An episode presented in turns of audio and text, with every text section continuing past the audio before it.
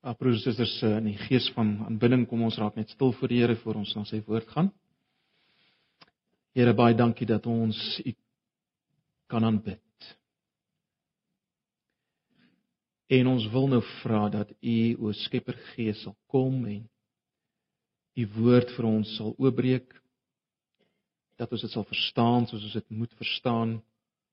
Uiteindelik Here vir een doel en dit is dat daar nog meer lof aan U gebring kan word. Meer aanbidding sal plaasvind in ons, rondom ons. Dis waarvoor ons bestaan. Dis waarin ons ons eie grootste vreugde vind, die aanbidding van U self.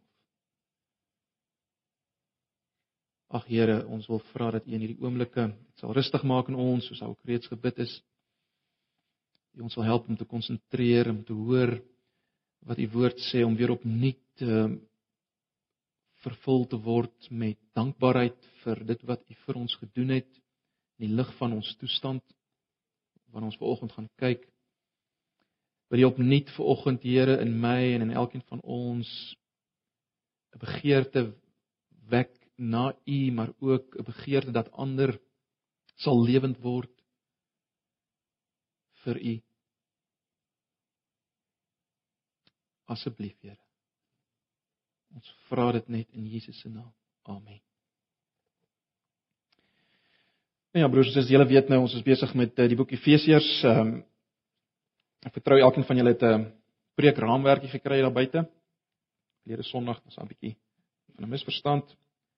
Ons is nou vanoggend by hoofstuk 2 van Efesiërs. Ons het gekyk nou na die wonderlike eerste 14 verse wat 'n uh, ongelooflike eenheid vorm uh, waar beskryf word hoe God ons geseën het sodat ons kan wees tot lof van sy heerlikheid, sodat ons hom kan aanbid.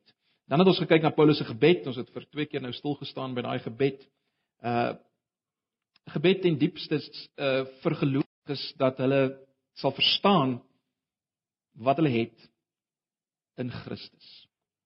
Wat hulle posisie is geweldige gebed en ek vertrou werklik dat ons almal ons gebede al meer in lyn sal kry met uh met hierdie gebed en hierdie soort van gebed. Volgens kom ons nou by hoofstuk 2. Hoofstuk 2. Ek gaan vir julle saam lees die eerste 10 verse, maar ons gaan nou net konsentreer op die eerste 3 verse volgens. Ek lees die 83 vertaling.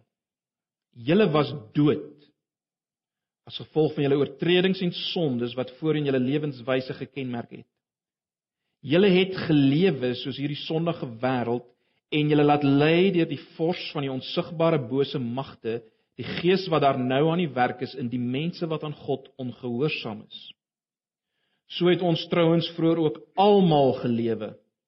Ons is deur ons sondige begeertes oorheers en het gedoen net waartoe ons lust ons gelei en wat in ons gedagtes opgekom het vanweë ons sondige natuur sou ons net soos die ander mense deur God gestraf moes word. Maar God is ryk in barmhartigheid en het ons innig lief. Deur sy groot liefde het hy ons wat dood was as gevolg van ons oortredinge saam met Christus lewend gemaak. Uit genade is jy gered. Ja, in Christus Jesus het hy ons saam met hom opgewek uit die dood en ons saam met hom 'n plek in die hemel gegee sodat God ook in sy eh, in die tye wat kom sou laat sien hoe geweldig groot sy genade is deur die goedheid wat hy in Christus Jesus aan ons bewys het. Julle is inderdaad uit genade gered deur geloof. Hierdie redding kom nie uit julleself nie, dis 'n gawe van God. Dit kom nie deur julle eie verdienste nie en daarom het niemand enige rede om op homself trots te wees nie. Nee, God het ons gemaak wat ons nou is. In Christus Jesus het hy ons geskep om ons lewe te wy aan die goeie dade waarvoor hy ons bestem het. Ons lees net so ver. Nou broers en susters, ek dink nie uh een van ons kan sê dat ons nie al uiters teleurgesteld was in mense nie. Of dalk in die mensheid in die geheel nie. Dalk in 'n vriend of 'n politieke leier of 'n sportman Ons almal was al uiters teleurgesteld in mense. Die leuns van mense, die voorgee van mense. Die wreedaardigheid van mense. Ons kan nie glo dat mense so kan wees nie, so kan lieg nie, so kan voorgee, so vals kan wees.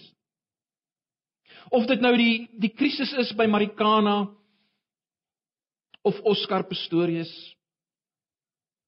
Ons is almal bewus dat dinge nie is soos dit moet wees nie, nê. Nee, dinge is nie soos dit moet wees nie. Nou Efesiërs 2 uh is teen hierdie agtergrond broers en susters uiters relevant vir ons. En hierdie agtergrond wat ek nou geskets het. Is Efesiërs 2 uiters relevant want Paulus skets hier 'n prentjie van die mens van nature. Soos die mens is as hy gebore word. Hy skets 'n prentjie van die mens van nature, maar dan ook wat die mens kan word deur genade. En in die res van uh van die boek Efesiërs gaan hy veral daarop uitbrei om te wys Hoe kan die mens wees deur genade?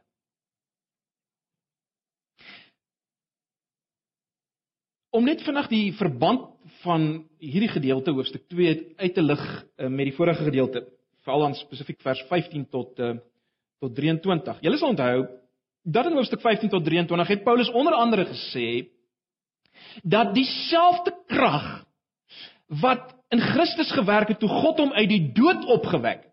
Onthou julle? Kyk maar net daarna vers 20. Van hoofstuk 1. Paulus sê dieselfde krag wat God gewerk het in Christus toe hy hom uit die dood opgewek het, werk in ons en hy hy bid jy's dat gelowiges sal begin bewus raak dat daai krag in hulle werk.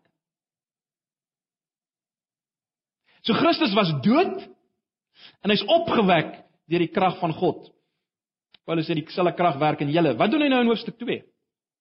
In hoofstuk 2 kom Paulus dan hy begin juis deur te wys julle was dood. So hy wil vir hulle bewus maak van die dood waaruit hulle opgewek is. Van met ander woorde weer eens van hoe groot hierdie krag is wat in hulle werk, want kyk, julle was ook dood. Sien julle, dis hoe hoofstuk 2 begin.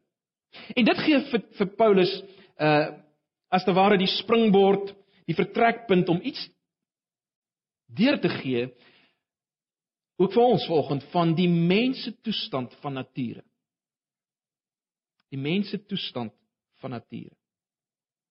Kyk na vers 1. Julle was dood as gevolg van julle oortredings en sondes wat voorheen julle lewenswyse gekenmerk het. In vers 5 verwys hy weer na hierdie dood. Deur sy groot liefde het hy ons wat dood was lewend gemaak. Nou, as jy vir die meeste mense rondom jou vandag sal vra, waarom Waarom uh dink jy sonde is 'n probleem? Of waarom dink jy ons het 'n verlosser nodig? Wel baie sal in die eerste plek nie dink sonde is so groot probleem nie en ook nie regtig dink ons het 'n verlosser nodig nie. Maar die wat wel so dink sal sal ten minste die volgende sê. Hulle sal sê wel uh ons is skuldig. Uh ons het oortree en ons moet vergewe word. Met ander woorde ons het 'n verlosser nodig wat ons kan vergewe. En dis natuurlik heeltemal reg. Dis dis doodreg. Maar maar dis nie die punt van vers 1 en ook weer vers 5 nie. Dis nie die punt nie. Dis nie al wat ons nodig het nie. Ons het nie net 'n verlosser nodig om dit so te stel omdat ons in God se slegte boekies is nie. Ons het nie net vergifnis nodig. Kyk as jy net in iemand se slegte boekies is, nê. Dan uh dan kan jy uh, sê jy's jammer. Jy kan nuwe voornemens hê.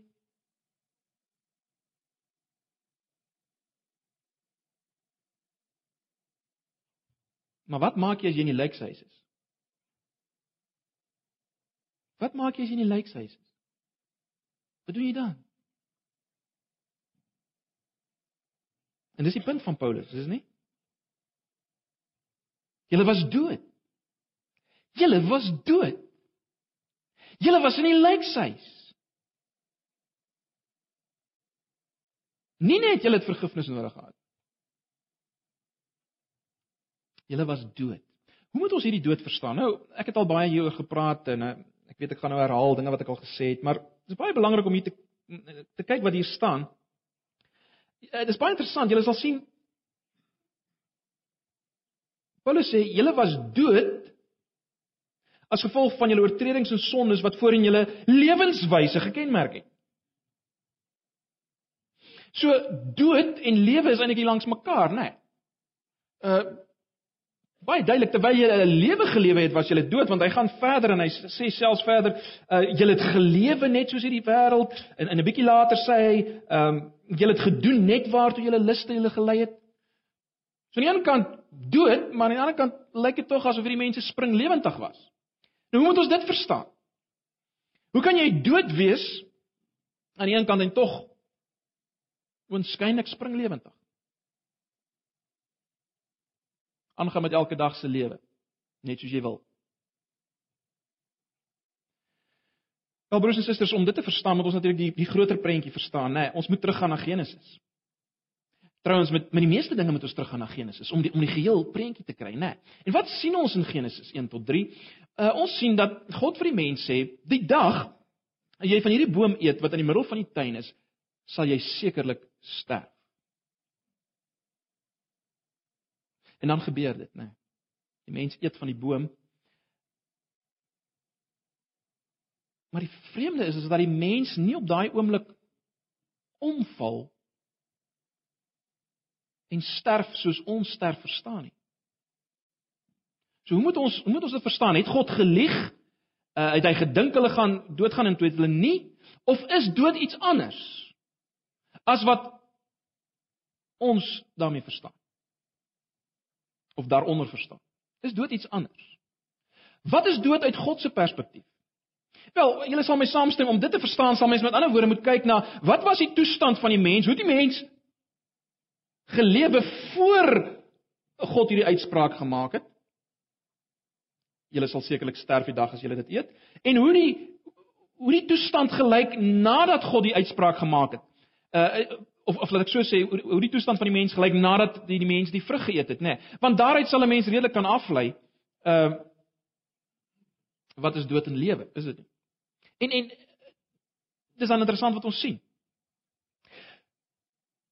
Wat was die toestand van die mens aanvanklik? Wel die mens het met God gewandel. Daar was 'n wonderlike verhouding tussen God en mens, van gesprekvoering, wandel in die tuin van Eden. Daar was 'n verhouding tussen mekaar in so 'n mate dat daar geen skaamte was nie tussen mens en mens nie. En natuurlik was daar ook 'n volkomme verhouding met die met die omgewing rondom die mens. Maar dan sal julle weet nadat die die mens die die vrug eet verander alles. Die mens skryf kruip weg vir God, né? Nee, kruip weg vir God. Is skaam vir God. Wandel nie meer met God nie. Praat nie meer met God nie. Beskuldig mekaar. Ja, maar jy het gesê ons moet dit doen. Nee, maar jy het dit eh, beskuldiging stryd. En uiteindelik as gevolg daarvan ook weet ons is is die hele aarde as te ware vervloek en die mens het uh, met moeite begin werk en al daai dinge het ingekom. So.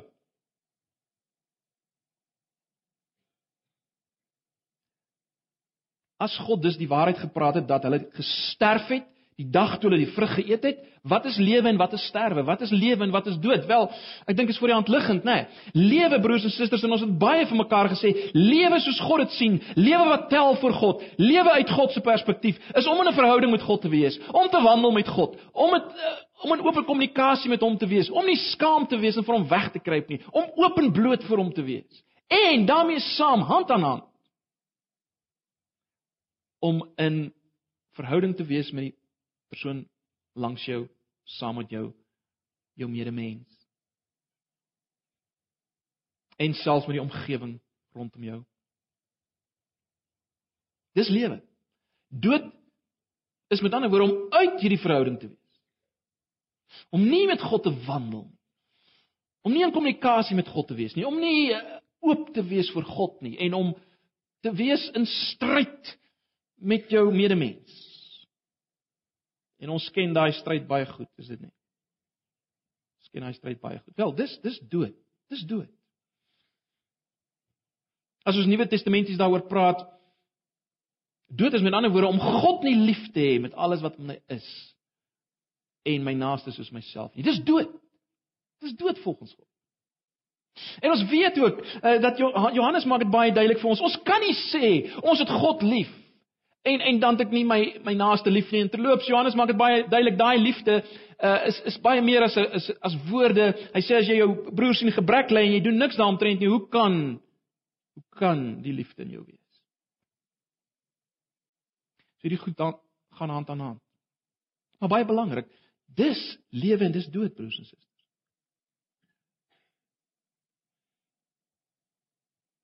En natuurlik Nuwe Testamentiese liefde vir God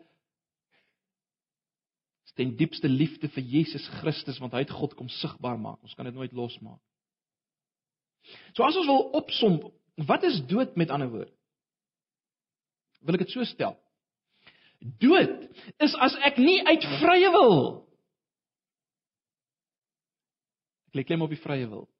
Dood is as ek nie uit vrye wil God liefhet en met hom wandel en mense rondom my liefhet nie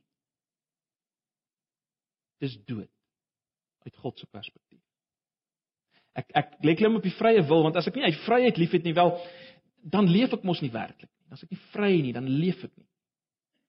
So broers en susters, as Paulus sê dat ons was dood as gevolg van ons misdade en oortredings, die misdade en oortredings is in in die eerste plek die misdade en oortredings van van die eerste mens Adam wat tot hierdie dood gelei het en nou al die misdade en oortredings wat ten diepste nie liefde vir God en nie liefde vir mense is nie en al die gestaltes wat dit aanneem, al die forme daarvan, al die uitvloeisels daarvan.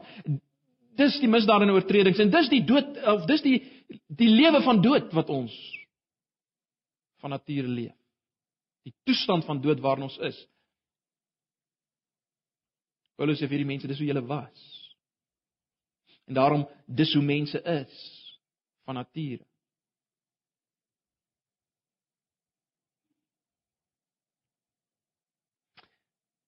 'n Volgende ding wat baie duidelik is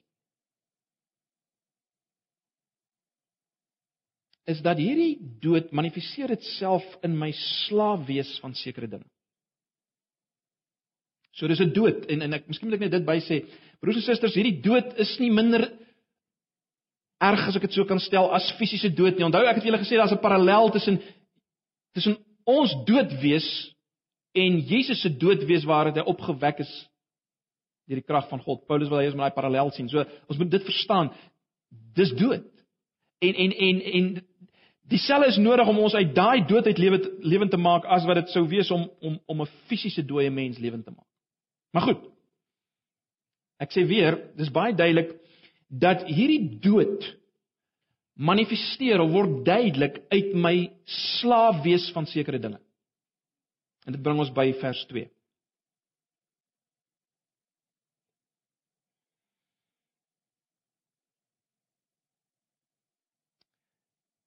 Die middelste deel van vers 2. Julle het gelewe soos hierdie sondige wêreld. Julle het gelewe soos hierdie sondige wêreld. Die 53 vertaling sê julle het gewandel volgens die loop van hierdie wêreld. En julle gedagtes hier is uh julle gedagte hier is dit julle het maar julle het geleef soos soos iets anders. Soos die wêreld. Met ander woorde, julle was nie vry nie. Julle het geleef soos die wêreld. Wat is die wêreld? Wat is die wêreld? Wel, ons het al baie oor gepraat. Uh mense sou kon sê die wêreld, as Paulus praat van die wêreld, is dit daai hele stelsel, as jy wil, van denke en gedrag waaruit God uitgesluit is. Dis 'n hele stelsel van denke en gedrag rondom ons waaruit God uitgesluit is. Met ander woorde, dit gaan nie oor die fisiese wêreld nie, moenie daaraan dink nie. Dis hierdie stelsel van denke. Uh Johannes maak baie daarvan. 1 Johannes praat van hierdie liefde vir die wêreld wat vyandskap met God is en dan beskryf hy hierdie liefde as 'n uh, as 'n uh, as 'n uh, as 'n lewe volgens die begeertes van uh van my vlees, my sinne, dis soos die 53 vertaling dit sê, uh of my gedagtes, ehm uh, die gesteldheid op besit. Ek het al baie vir julle gesê, mens kan eintlik daai 1 Johannes 2 vers 15 tot 17 kan jy op opsom met ek wil hê en ek het. Begeertes, allerlei begeertes en die hê en het, die gesteldheid op besit. Dis die wêreld volgens 1 Johannes. Hierdie ek wil hê en het let wel sonder God. God uit die prentjie. Hierdie lewenstyl met God uit die prentjie, dis die wêreld. Dis die wêreld. So dis hierdie hele stelsel van denke en gedrag waaruit God uitgesluit is, waar dit gaan om my begeertes wat moet bevredig word. Ek wil hê en ek het. En Paulus kom nou en hy sê julle, hy sê hy skryf vir die mense in Efese hy sê julle het geleef soos hierdie wêreld. So alles wat hierdie stelsel gedoen het, hierdie stelsel waaruit God uitgesluit is, wel, julle het dieselfde gedoen. Julle het soos hulle gelewe. Julle was nie vry nie, julle het gelewe soos die wêreld. En broers en susters, in ons dag kom die wêreld natuurlik oral, as ek dit so kan stel, by die venster in, né? As jy die televisie aansit, as jy die internet surf, uh advertensies, sepies, waar dit ook al is, daar word 'n boodskap oorgedra. En dit is baie interessant, daar word eintlik 'n boodskap oorgedra ten diepste oor wat lewe is. As jy regtig wil lewe, moet jy so lyk. As jy regtig wil lewe, moet jy hierdie ding gebruik. Vrouens moet 'n sekere haarmiddel gebruik, sekere krem. Mans deesdae ook al meer.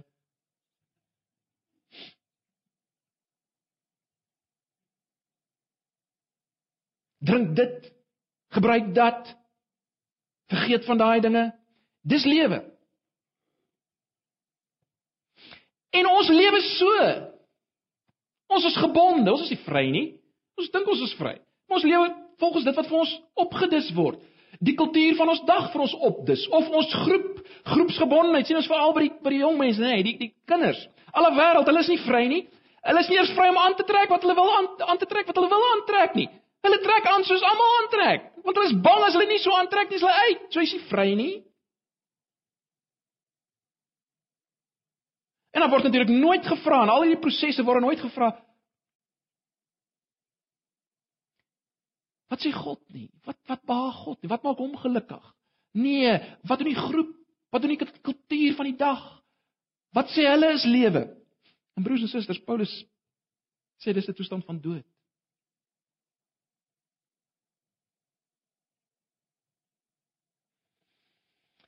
Mense rig hulle lewens in volgens dit wat hierdie stelsel van denke en gedrag verkondig, hierdie stelsel waaruit God uitgesluit is, let wel. Mense uh rig hulle lewens af volgens dit. Dis wat in hulle koppe aangaan en dis uiteindelik wat hulle begeer om te doen, né? Nee, dis wat hulle in hulle koppe aangaan, dis wat hulle uiteindelik begeer om te doen. Ja, soms mag dit lyk asof hierdie dinge gaan oor ander mense en ek wil ander gelukkig maak, maar uiteindelik ten diepste wil ek myself gelukkig maak en nie vir God definitief nie. Gaan net om myself. Gaan definitief nie oor ander of God nie. Het dit geleef net soos hierdie wêreld, sê Paulus. Die groot punt is, is dit broers en susters wat ons moet raak sien. Ons dink ons is vry van nature. Mense rondom ons dink hulle is vry, maar hulle is nie vry nie. Hulle is slawe van die wêreld. Onthou nou ek sê die dood, die toestand van dood wat ons nou oor gepraat het, manifesteer dit self in my slaaf wees van die wêreld. En dis dis hoe die wêreld rondom ons lyk. Mense rondom ons lyk. Hulle is nie vry nie. Hulle dink hulle is vry. Maar Paulus gaan nog verder in vers 2.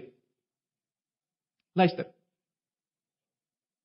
Julle het gelewe soos hierdie sondige wêreld, ons nou daarna gekyk, en julle laat lei deur die vors van die onsigbare bose magte, die gees wat daar nou aan die werk is in die mense wat aan God ongehoorsaam is. So, julle het nie net gelewe soos die sondige wêreld nie. Luister mooi, kyk haar. In die middel van vers 2. Julle laat lei deur die vors van die onsigbare bose magte, die duiwel. So, baie interessant. Die wêreld, hierdie stelsel van denke en gedrag, dink hulle is vry. En daar word baie klem gelê op vryheid, vryheid, vryheid, nê. Nee, maar hulle is nie vry nie. Hulle doen weer net soos die duiwel wil. Die duiwel sit agter dit alles. Die god van hierdie wêreld beskryf Paulus om in 2 Korintiërs 4. Ag, broers en susters, ons weet, die duiwel is 'n leienaar. Is jy ooit verbaas oor die leuns rondom ons? Die voorgee, die valsheid. Wel, as jy dit verstaan, verstaan jy dit. Die duiwel is die vader van die leuen. En hy's 'n mensemoordenaar van die begin af, Marikana. duiwel is 'n mensemoordenaar van die begin af. Die duiwel sit agter die wêreld.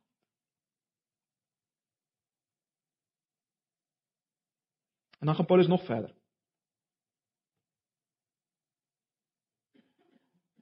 Kyk na vers 3. Hy hy begin by vers 3 so het ons trouens vroeër ook almal geleef en dan sê hy 'n volgende ding. 'n Volgende ding. Ons is deur ons sondige begeertes oorheers net gedoen net waartoe ons lus ons gelei het en wat ons in ons gedagtes opgekom het.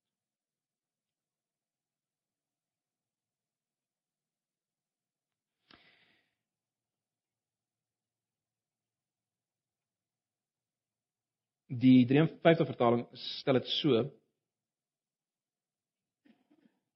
Ons het gewandel in die begeerlikhede van ons vlees, toe ons die wil van die vlees en van die sinne, dis die gedagtes gedoen het.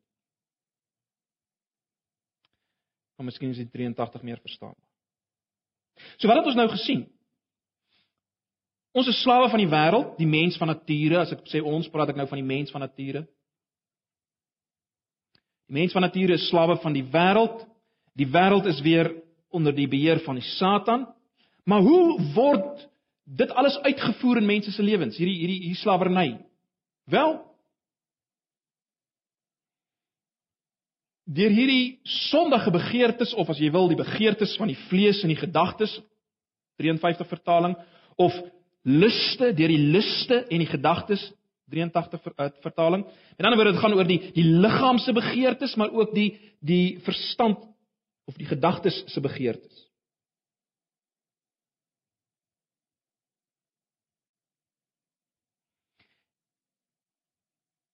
Die slawerny van die wêreld en die duiwel word deurgevoer in ons lewens deur hierdie begeertes. Deur hierdie begeertes. Nou uh is met twee dinge wat ons moet duidelik kry. In die eerste plek, ons moet onthou daar's niks verkeerd met ons natuurlike liggaamlike begeertes nie. Dit kom van God.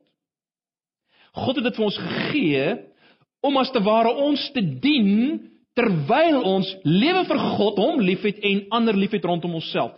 Uh of of of of ander rondom ons soos onsself liefhet of moet liefhet. So so hierdie begeertes het God gegee om ons te dien in hierdie proses, in hierdie lewenstyl.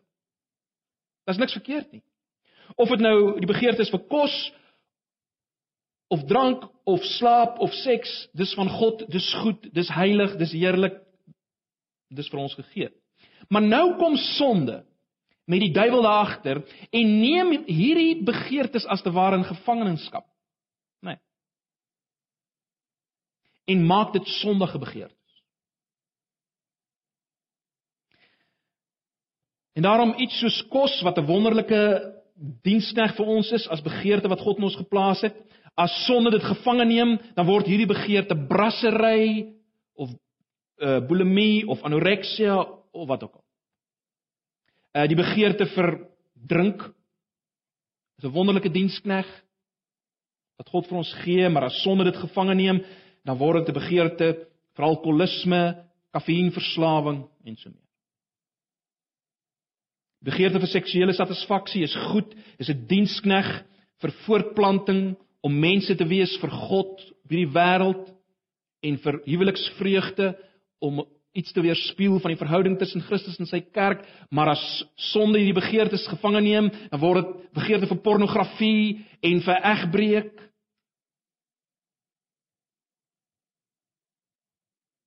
En die hele spektrum van dinge waarvan ons elke dag hoor. Die begeerte na rus en slaap is 'n goeie begeerte sodat ons meer kan krag hê om God te dien. Sonde neem dit gevange en dit word 'n begeerte na lamsakkigheid en luiheid. So ons moet dit verstaan. Begeertes in sigself nie sleg nie, maar sonde neem dit gevange. 'n Tweede ding wat belangrik is, let op, hierdie begeertes sluit die denke en die liggaam in. Soos nie net die liggaamlike begeertes, dit gaan oor die denke ook. So so dit gaan hier ook oor intellektuele hoogmoed, valse ambisies, verwerping van die waarheid, haatdraande, uh jaloerse gedagtes En, en broers en susters, moenie 'n fout maak nie. Hierdie begeertes van die van die denke kan of wonderlik respektabel en edel wees of baie laag en dierlik. Beide. Beide as dit gaan ten diepste uh oor myself my eie bevrediging in die loop van die wêreld en nie oor God en die persoon langs aan my nie. As dit nie werklik daaroor gaan nie, dan is hierdie begeertes sonde en meer nog slawerny. Ek is 'n slaaf daarvan. Ek is 'n slaaf daarvan. Ek dink ek is vry, maar ek is 'n slaaf daarvan. En is dood. En nou gaan Paulus nog verder. Kyk net na vers 2b en vers 3b as jy wil. In vers 2b word daar gepraat van die gees wat daar nou aan die werk is in die mense wat aan God ongehoorsaam is. En dan in vers 3b lees ons van wie ons sondige natuur sou ons net soos die ander mense deur God gestraf moes word. Nou die groot punt wat ons maar net hier sien is is dit. Die toestand wat ons nou beskryf het, die toestand van dood en die toestand van slawerny. Ons moenie dink dit maak ons onskuldig nie. Ons van nature nie. Die mens van nature is nie onskuldig nie. Dis baie duidelik, né? Nee. Kom ons kyk net na twee begrippe wat hier gebruik word. Die 83 vertaling sê ons moes deur God gestraf word. Ons moes deur God gestraf word. En daar word ook melding gemaak van ons sondige natuur. Ek wil hê ons moet na hierdie twee begrippe kyk. Ons moes deur God gestraf word in ons sondige natuur. Of as jy wil, as jy die 53 vertaling gebruik, word daar gepraat van ons was van nature kinders van die toorn Die toorn van God of die woede van God? Die 83 vertaling sê ons moes gestraf word. Toorn van God, woede van God of dan ons moes gestraf word. Hoe moet ons daaroor dink? Nou ons moet verstaan in die Bybel uh nou verbonde aan die hele konsep van God se heiligheid is ook sy toorn of dan sy woede. Dieselfde selfe begrip. Nou by ons is toorn en woede dikwels iets negatiefs, nê, nee, want ons dink aan mense se toorn en woede. En gewoonlik is woede 'n uitbarsting van van van jou van van baie keer van sonde wat in jou is en daarom is dit onbeheers en ongekontroleerd. En daarom is dit vir ons negatief. Maar ons moet onthou as ons praat van die toorn of woede van God, is dit totaal iets anders. God se woede of se toorn is absoluut rein en onbesmet deur daai dinge wat ons woede besmet maak. God is nie daardeur aangetast nie. So daar's 'n rolparallel tussen ons woede of toorn en God se, maar daar's ook 'n groot verskil. Daar's 'n reuse verskil. Goddelike woede is altyd beginselvas, ons is nie. Goddelike woede is beginselvas en gekontroleerd. Ons kan sê God se toorn of God se woede uh is die toorn of woede van 'n heilige, barmhartige God en dit word na vore gebring en dit is gerig teen wat? Teen ons goddeloosheid en ongeregtigheid. Wat 'n uitvloeisel is van ons nie lief wees vir God en die mense rondom ons nie. Dis waarteen God se toorn of woede gerig is.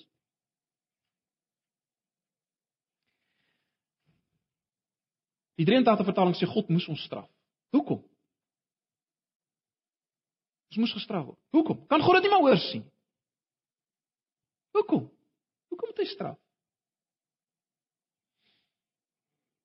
Broers en susters, ons het dit al baie vir mekaar gesê, maar ons moet dit weer vanoggend verstaan. God moet straf. Hy moet sonde straf as hy getrou wil bly aan homself, as hy God wil wees. Jy sien want God se heiligheid ontbloot sonde. God se volkomendheid wat ten diepste volkomme liefde is, ontbloot sonde wat liefdeloosheid is. God se heiligheid ontbloot sonde en sy toorn of sy woede bots nou met hierdie sonde. So word ontbloot en hy bots daarmee. God God en sonde kan nie naby mekaar kom nie. Dis die probleem.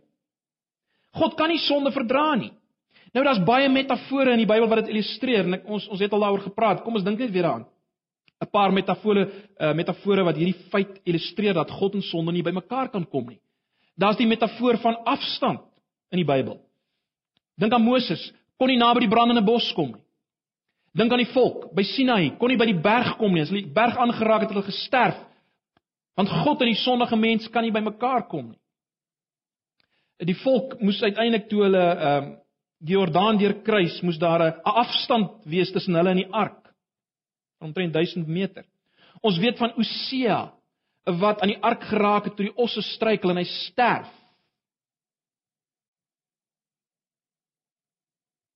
Ons weet van die voorhangsel in die tempel wat 'n skeiding gemaak het tussen God en die mens. Afstand. God en sonde kan nie bymekaar kom sonder dat die een sterf nie. En dis die mens met sy sonde. En dan is daar die metafoor van lig en vuur. God is 'n verterende vuur, lees ons in Hebreërs 12:29. Beide lig en vuur sê vir ons ons kan nie te naby aan hom kom sonder om verteer te word. Ons in ons natuurlike toestand van dood wees of sonde soos ons dit nou beskryf het. 'n Laaste metafoor wat die Bybel gebruik is die van formering, opbring. Ons lees dit in Openbaring, né? Nee, Openbaring 3 vers 16. Openbaring 3 vers 16 praat van ek sal julle uit my mond spuug. Uh dit is baie mooi vertaal deur die vertalers, maar ten diepste staan daar ek sal julle opbring. Dis wat daar staan. God word naar, God en sonde gaan nie saam nie. God word naar daarvan, hy moet dit uitbring. Broers en susters, God en sonde kan nie saam bestaan nie. Hy moet dit straf anders hou hy op om God te wees. Dis dis die punt wat ons moet raak sien. En as as sonde, soos ons sonde nou beskryf het, hierdie toestand van ons, as dit hom nie tot woede uittart nie, dan sal ons alle respek vir hom verloor. Dan is hy geensins my God nie. Dan is hy nie die moeite werd om om te dien nie. My God. Daarom moet hy dit straf in sy regverdige, heilige liefdevolle. Of laat ek so sê, hy as die regverdige, liefdevolle, heilige God moet dit straf. As hy nie as hy nie sy wese wil prysgee nie. Dis wat ons moet raak sien. Die volgende term wat Paulus gebruik is dit, hy sê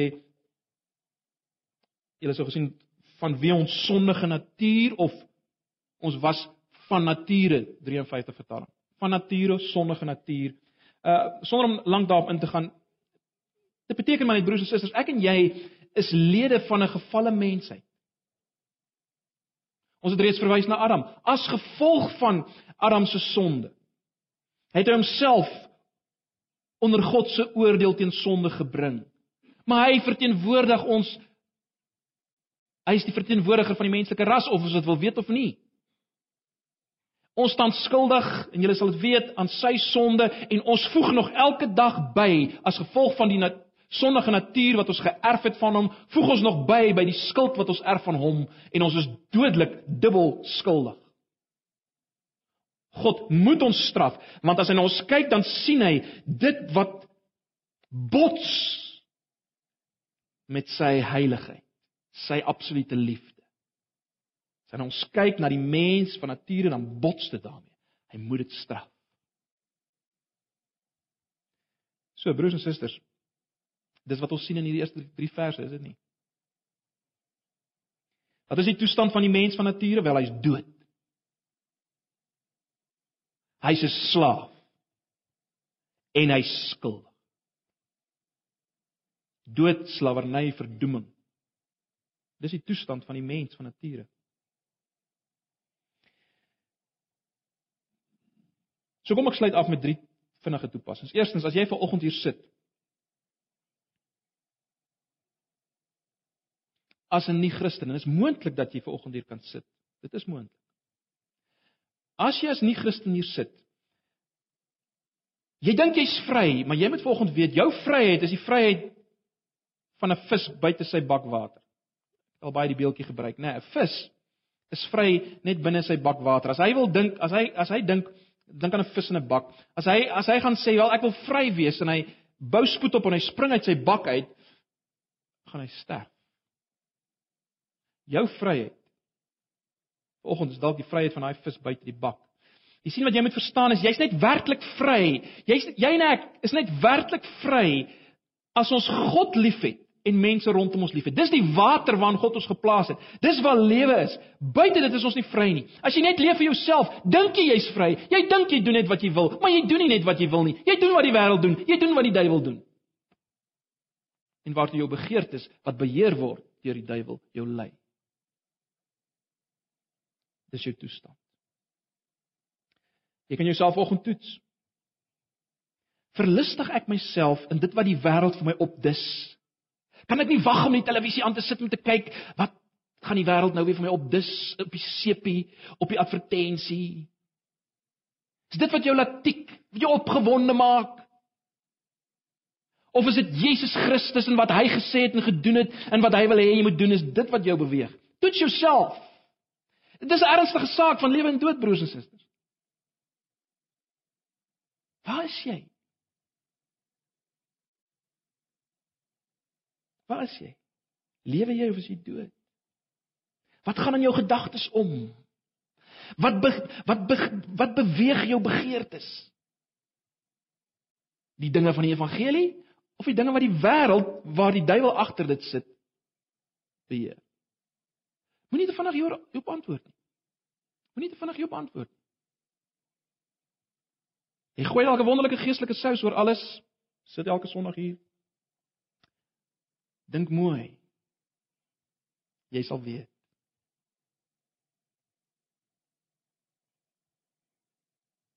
Mag die Here jou oortuig vanoggend en mag jy vlug na hom toe wat kan lewend maak. Volgende Sondag sal ons daaroor praat en daarom moet jy volgende Sondag hier wees. As jy onseker is vanoggend, moet jy volgende Sondag hier wees. Ons as kinders van die Here wat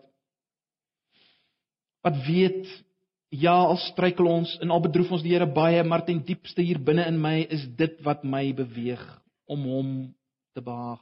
Al is dit so swak met tydjie. As jy in daai toestand is vanoggend, wel wees weer dankbaar dat God jou lewend gemaak het. Die natuurlike mens het nie daai diep begeerte eintlik na die Here nie. Hy het dit nie. Hy begeer om uit vryheid die Here te dien. Die natuurlike mens het dit nie. Moenie 'n fout maak nie. Hy het dit nie. Daarom kan ons baie keer nie verstaan hoekom uh dit wat ons sê vir nie Christen mense of familielede, dit maak nie sin vir hulle nie, want hulle is dood. Ons moet dit verstaan. Hulle is dood.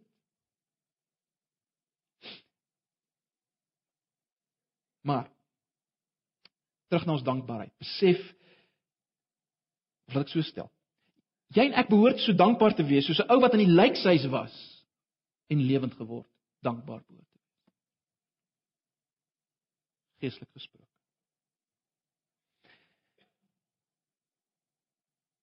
En broers en susters, onthou dis eintlik wat Paulus wil wys uit in in aansluiting by die vorige gedeelte van Hoofstuk 1. Dis die krag wat in jou werk. As jy vanoggend hier sit as Christen, het daar 'n ontsaglike krag in jou gewerk om jou geestelik lewend te maak. En dis die krag wat in jou is. Hoeveel te meer sal jy nie die krag gee om verder nee te sê vir sonde, die krag gee om om lyding en swaar kry deur te gaan ter wille van Christus nie. Hy sal jou die krag gee. Dis die krag wat in ons werk. Raak bewus daarvan volgens. En ek sluit af laastens as gemeente.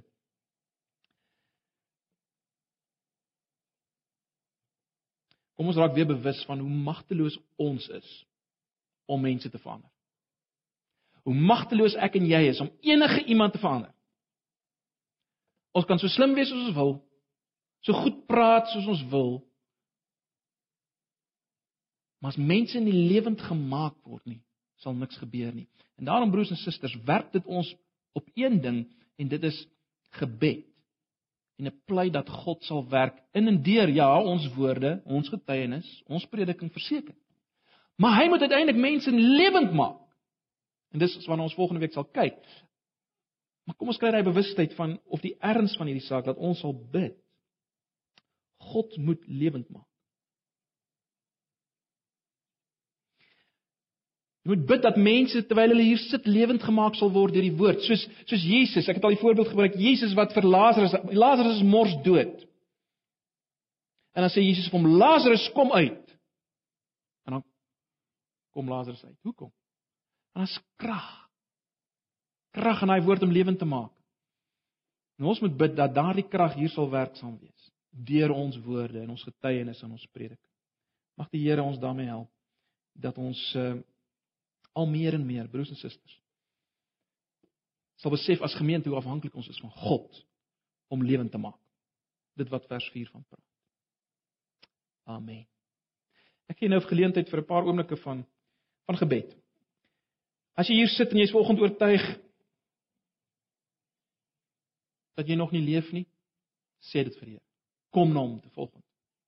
As jy as Christen hier is, dank die Here. Gebruik hierdie oomblik dalk om te bid vir 'n persoon waarvan jy weet wat geestelik dood is, dat die Here hom of haar sal aanraak. Gee 'n paar oomblikke van gebed en dan sluit ek ons af.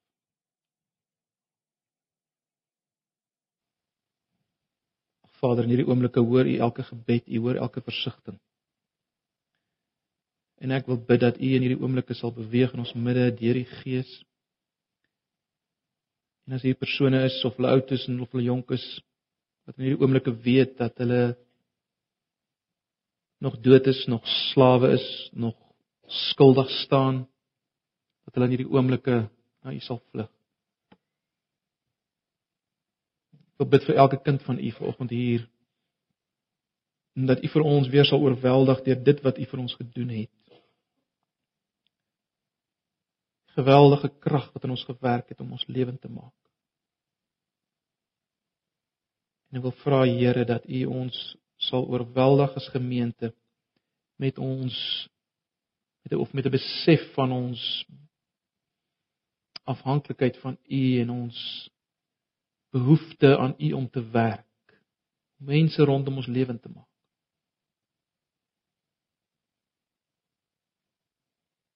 Ag asseblief Here. Ons vra dit waarlik in Jesus se naam. Amen.